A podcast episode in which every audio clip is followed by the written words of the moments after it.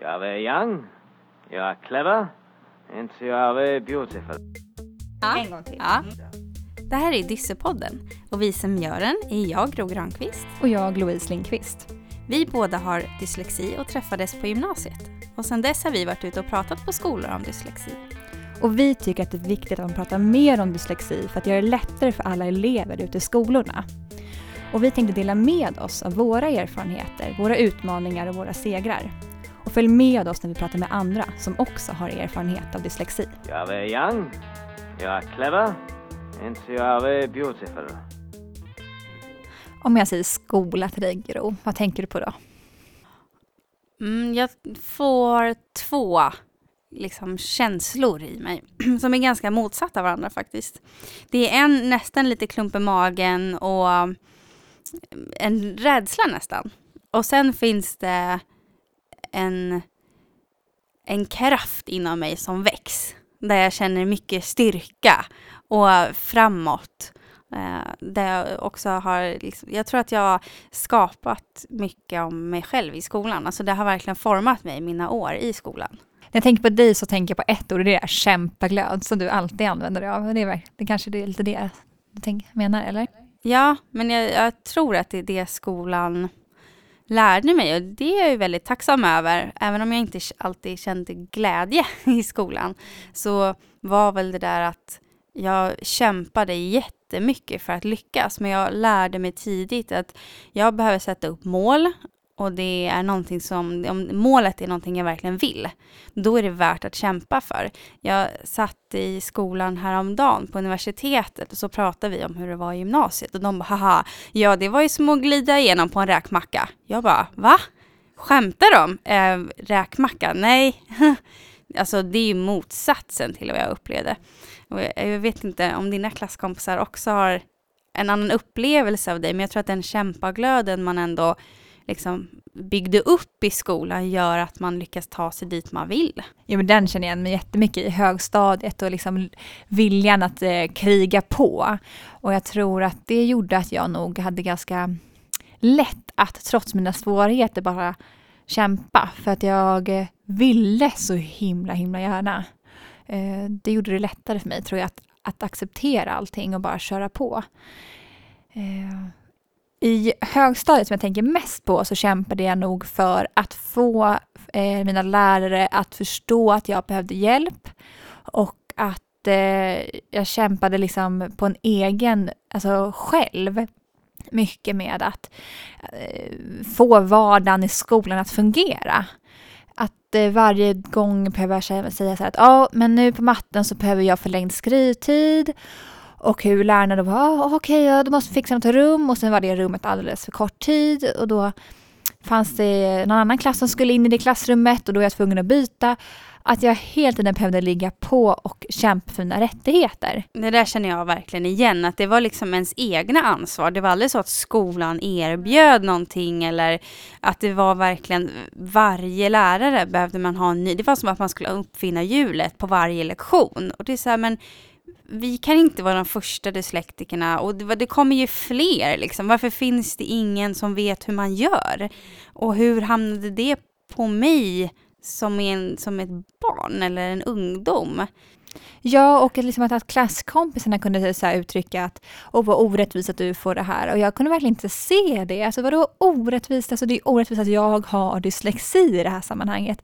Att ni, ni kan ju bara köra på mer eller mindre som vanligt och det funkar för er. Medan jag måste fixa massa grejer för att jag ska kunna lära mig på samma sätt eller kunna visa vad jag kan. Vad kände du att dyslexin lärde dig under din grundskoletid innan gymnasiet? Innan gymnasiet så, så hade jag det väldigt kämpigt. Mitt självförtroende droppade i lågstadiet och sen så försökte jag bygga upp det under resten av min skolgång. Um, så att jag, jag lärde mig framför allt jag, jag, lärde mig nog den hårda vägen att tro på mig själv. Men det tog alldeles för många år och det är lite där grunden är till varför jag jobbar med det här idag. För att jag vill inte att någon ska få uppleva det jag upplevde. Det, det är för hårt. Man ska inte liksom tvivla på sig själv när man är 12 år gammal. Då har man hela livet framför sig och det finns ju bara drömmar och, och mål. Liksom. När insåg du då att, liksom att det här är någonting som inte stämmer? Har du någon så här, kan du komma ihåg liksom första eller så här, gången eller när det kändes fel? Ja, man upptäcker, jag tror ändå att många upptäcker det tidigt. Jag gjorde det. För att eh, ens klasskompisar, man ska liksom börja läsa, man fick den här boken och jag var ju lika entusiastisk som alla andra. Gud vad kul, vi ska lära oss att läsa. Så fanns det ju alltid några som redan kunde alfabetet och liksom, men det gör det väl jämt. Men sen så lärde sig ju mina kompisar att läsa. Jag fattade ju ingenting. Jag satt fortfarande och kollade på bilderna och det var bara krumelutter som, ja, vad ska jag använda de här till och vad då? Va? Nej, det var inte logiskt för mig att lära mig att läsa. Ja, men det kan jag komma ihåg också. Jag kommer ihåg framför allt ett tillfälle, det var en kille i min klass som jag tror redan hade dyslexi när jag gick i fyran och vi hade en vikarie och vi skulle läsa högt och den här vikarien kommenterar då den här pojken Hampus läsning och han bara ja men eh, läs ordentligt. Och alltså jag kan verkligen känna igen känslan just den sekunden när den läraren säger så. Jag bara Tänk om det hade varit jag, jag hade inte klarat det bättre och jag hade nog känt likadant. Även fast jag inte då i den sekunden inte visste att jag hade dyslexi så identifierade jag mig så mycket med den här killen. Mm. För när fick du din diagnos och hur var responsen bland kompisarna då? Var du öppen från början med och sa att du hade dyslexi när du väl fick diagnosen? Ja, och ibland kan jag bli lite förvånad över det där. För jag tror att jag hade ganska lätt för att acceptera det. Och när jag fick min diagnos i årskurs 9 så hade jag haft en ganska lång process innan det. Jag började stå i kö för att jag utredning i årskurs 7. Så att jag tror att jag fick någon mjukstart på det där. Att jag kunde under de där två åren i kö, trots att det inte var något bra att få vänta så länge. Men så kunde jag liksom börja så smyga mig på den här diagnosen och säga, jag har den inte, men antagligen har jag den. Så jag kunde liksom börja känna efter hur det kändes. Och jag tror att tack vare det, om man ska säga så, så var det lite lättare sen när diagnosen väl kom att, ja men just det, det här har jag fått känna mig för ett tag nu.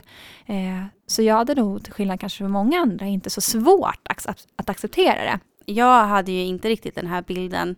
När jag fick höra om dyslexi så liksom sparkade jag ju bakut och sa fy, det här vill inte jag alls ha en koppling till. Men vad visste du om dyslexi innan du fick diagnosen? Du sa att du fick liksom smyga in på det, men hade någon berättat för dig? Ja, men det var ju min lärare, alltså i sjuan, som kom och säger till mig att det kan nog bero, alltså dina svårigheter, varför du har det så kämpigt med just det här, det kan nog bero på att du har dyslexi. Och i det där så berättade hon för mig vad dyslexi var lite kort. Och jag tror att hon ringde hem till mina föräldrar och att vi kunde prata om det lite hemma och på utvecklingssamtal med henne.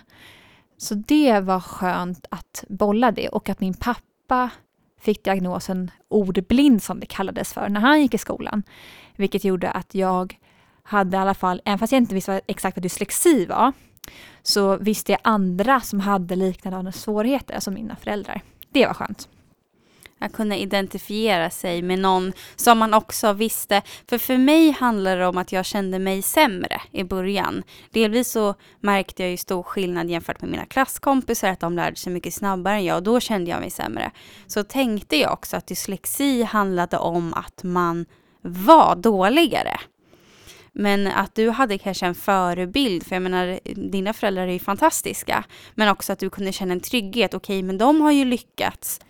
Ja precis, och att min, att min lärare verkligen inte la något nedvärderande i det. Det tror jag var också en viktig punkt, att hon liksom snarare såg potentialen. Hon sa till mig att får du en diagnos, då blir det så mycket lättare för dig att få hjälp. Vi kan göra det här och det här och det här. Och även fast det är två nu, kan, eller även fast du behöver vänta på din diagnos, så kan vi sätta in de här hjälpmedlen. Och att hon sa så på en gång gjorde det nog mycket lättare att liksom, okej, okay, men då gör vi det här. Vad skönt att hon inte la skuld på dig, för jag har nog känt att jag är den där äh, knöliga eleven som alltid är lite till besvär. I och med att lärare ibland inte räknar med mig från början, utan jag blir där, ja ah, just det, hon har dyslexi, um, då måste jag göra så här och vad jobbigt och nu måste jag liksom göra anpassningar utanför mitt vanliga tan tankesätt. Ja, jag kommer verkligen ihåg på gymnasiet där vi träffades eh, för övrigt, där fick ju du hjälpa mig en del kanske med engelskan och matten, för där klarade du dig ändå bra liksom. Eh, så där kunde jag ju be om hjälp verkligen. Och jag kommer ihåg att jag uppskattade din struktur, att du hade mycket, mycket, mycket bättre koll på mig än hjälpmedel och studieteknik. På de ämnena, där kunde jag luta mig mycket mer på dig kände jag. Du stod på dig, hade lärt dig att stå på dig.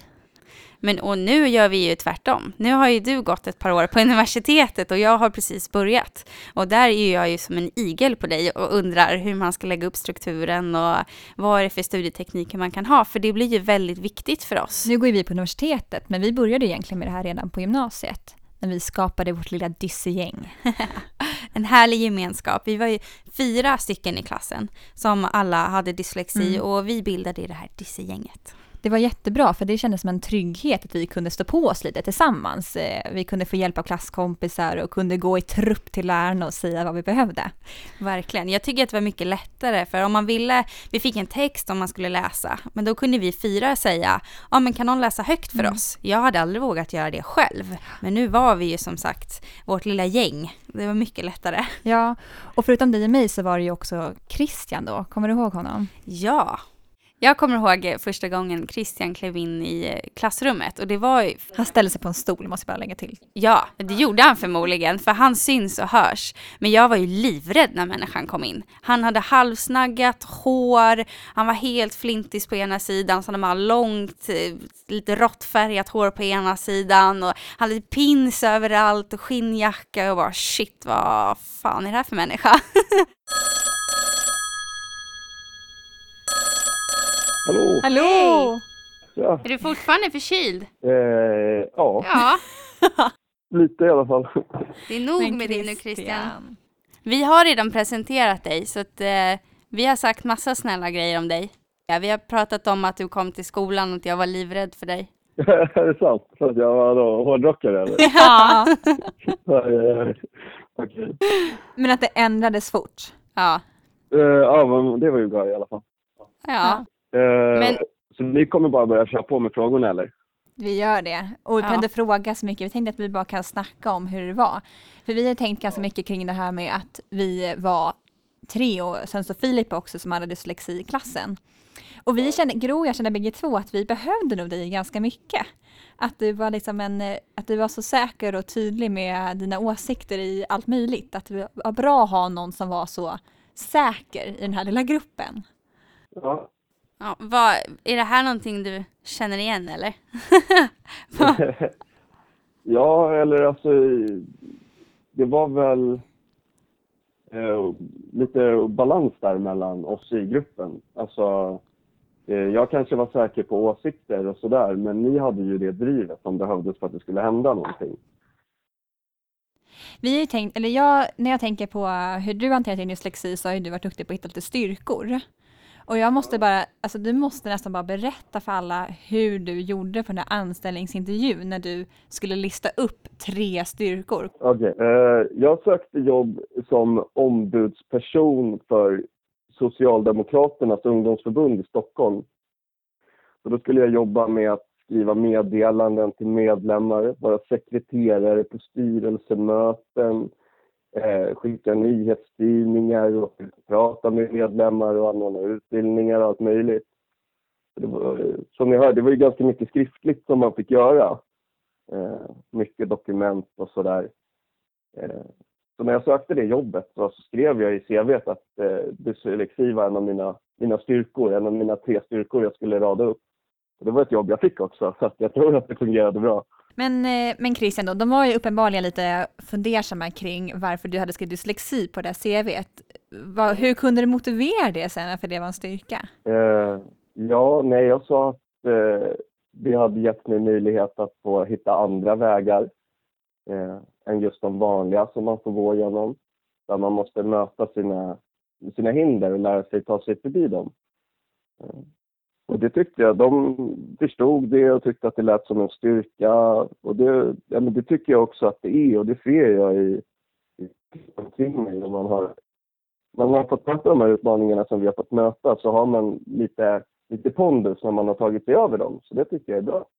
För det känns ju nästan som att många jobb söker en person som är lite problemlösare, kan hitta lite, tänka utanför boxen. Och eh, det kan jag också känna just det som du säger, att det har ju dyslexin verkligen bidragit till.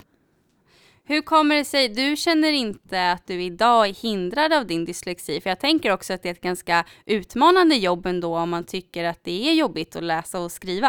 Men det, du ser det inte som ett hinder idag? Nej, eller jag upplever väl precis som de, de flesta dyslektiker att det kan vara knepigt när man får långa texter eller ska skriva långa dokument. Men det är ju lite, det är, om det är kallt ute så är det jobbigt att vara ute och gå också men det kan ju inte hindra en att gå dit man ska liksom. Så jag tänker att eh, det känns inte som att det är ett hinder. Jättefint beskrivet Christian. Det var fint sagt, jag kan bara hålla med fullt ut. Men du, jag tror att vi kan eh, börja avrunda. Ja. Tusen tack Christian för att du var med och ville snacka lite med oss om det här och vi vill bara, bara skicka med oss att hur underbar och vilken betydelsefull person det har varit för oss. Ja, vad fint. Härligt. Ja, tack så mycket. Det har varit jätteroligt att få vara med och det vill jag säga till alla andra att eh, de riktiga hjältarna här, det är ju ni två som drar och driver de här grejerna. Det är helt fantastiskt. Så tack för det. Tack, det där klipper vi bort. Vi hörs snart igen Christian. Ja, det gör vi. Ha det så bra. Ja. Tack så mycket. Hej. Det var allt från oss idag från Dyssepodden. Vi hörs i nästa avsnitt. Hej då! Hej då! Are very young, you are clever, and you are very beautiful. Vi som står bakom Dyssepodden är Föräldraföreningen för dyslektiska barn, FDB. FDB hjälper och stöttar föräldrar som har barn med dyslexi. Mer information hittar du på fdb.nu. Dyssepodden produceras av Trapets Media.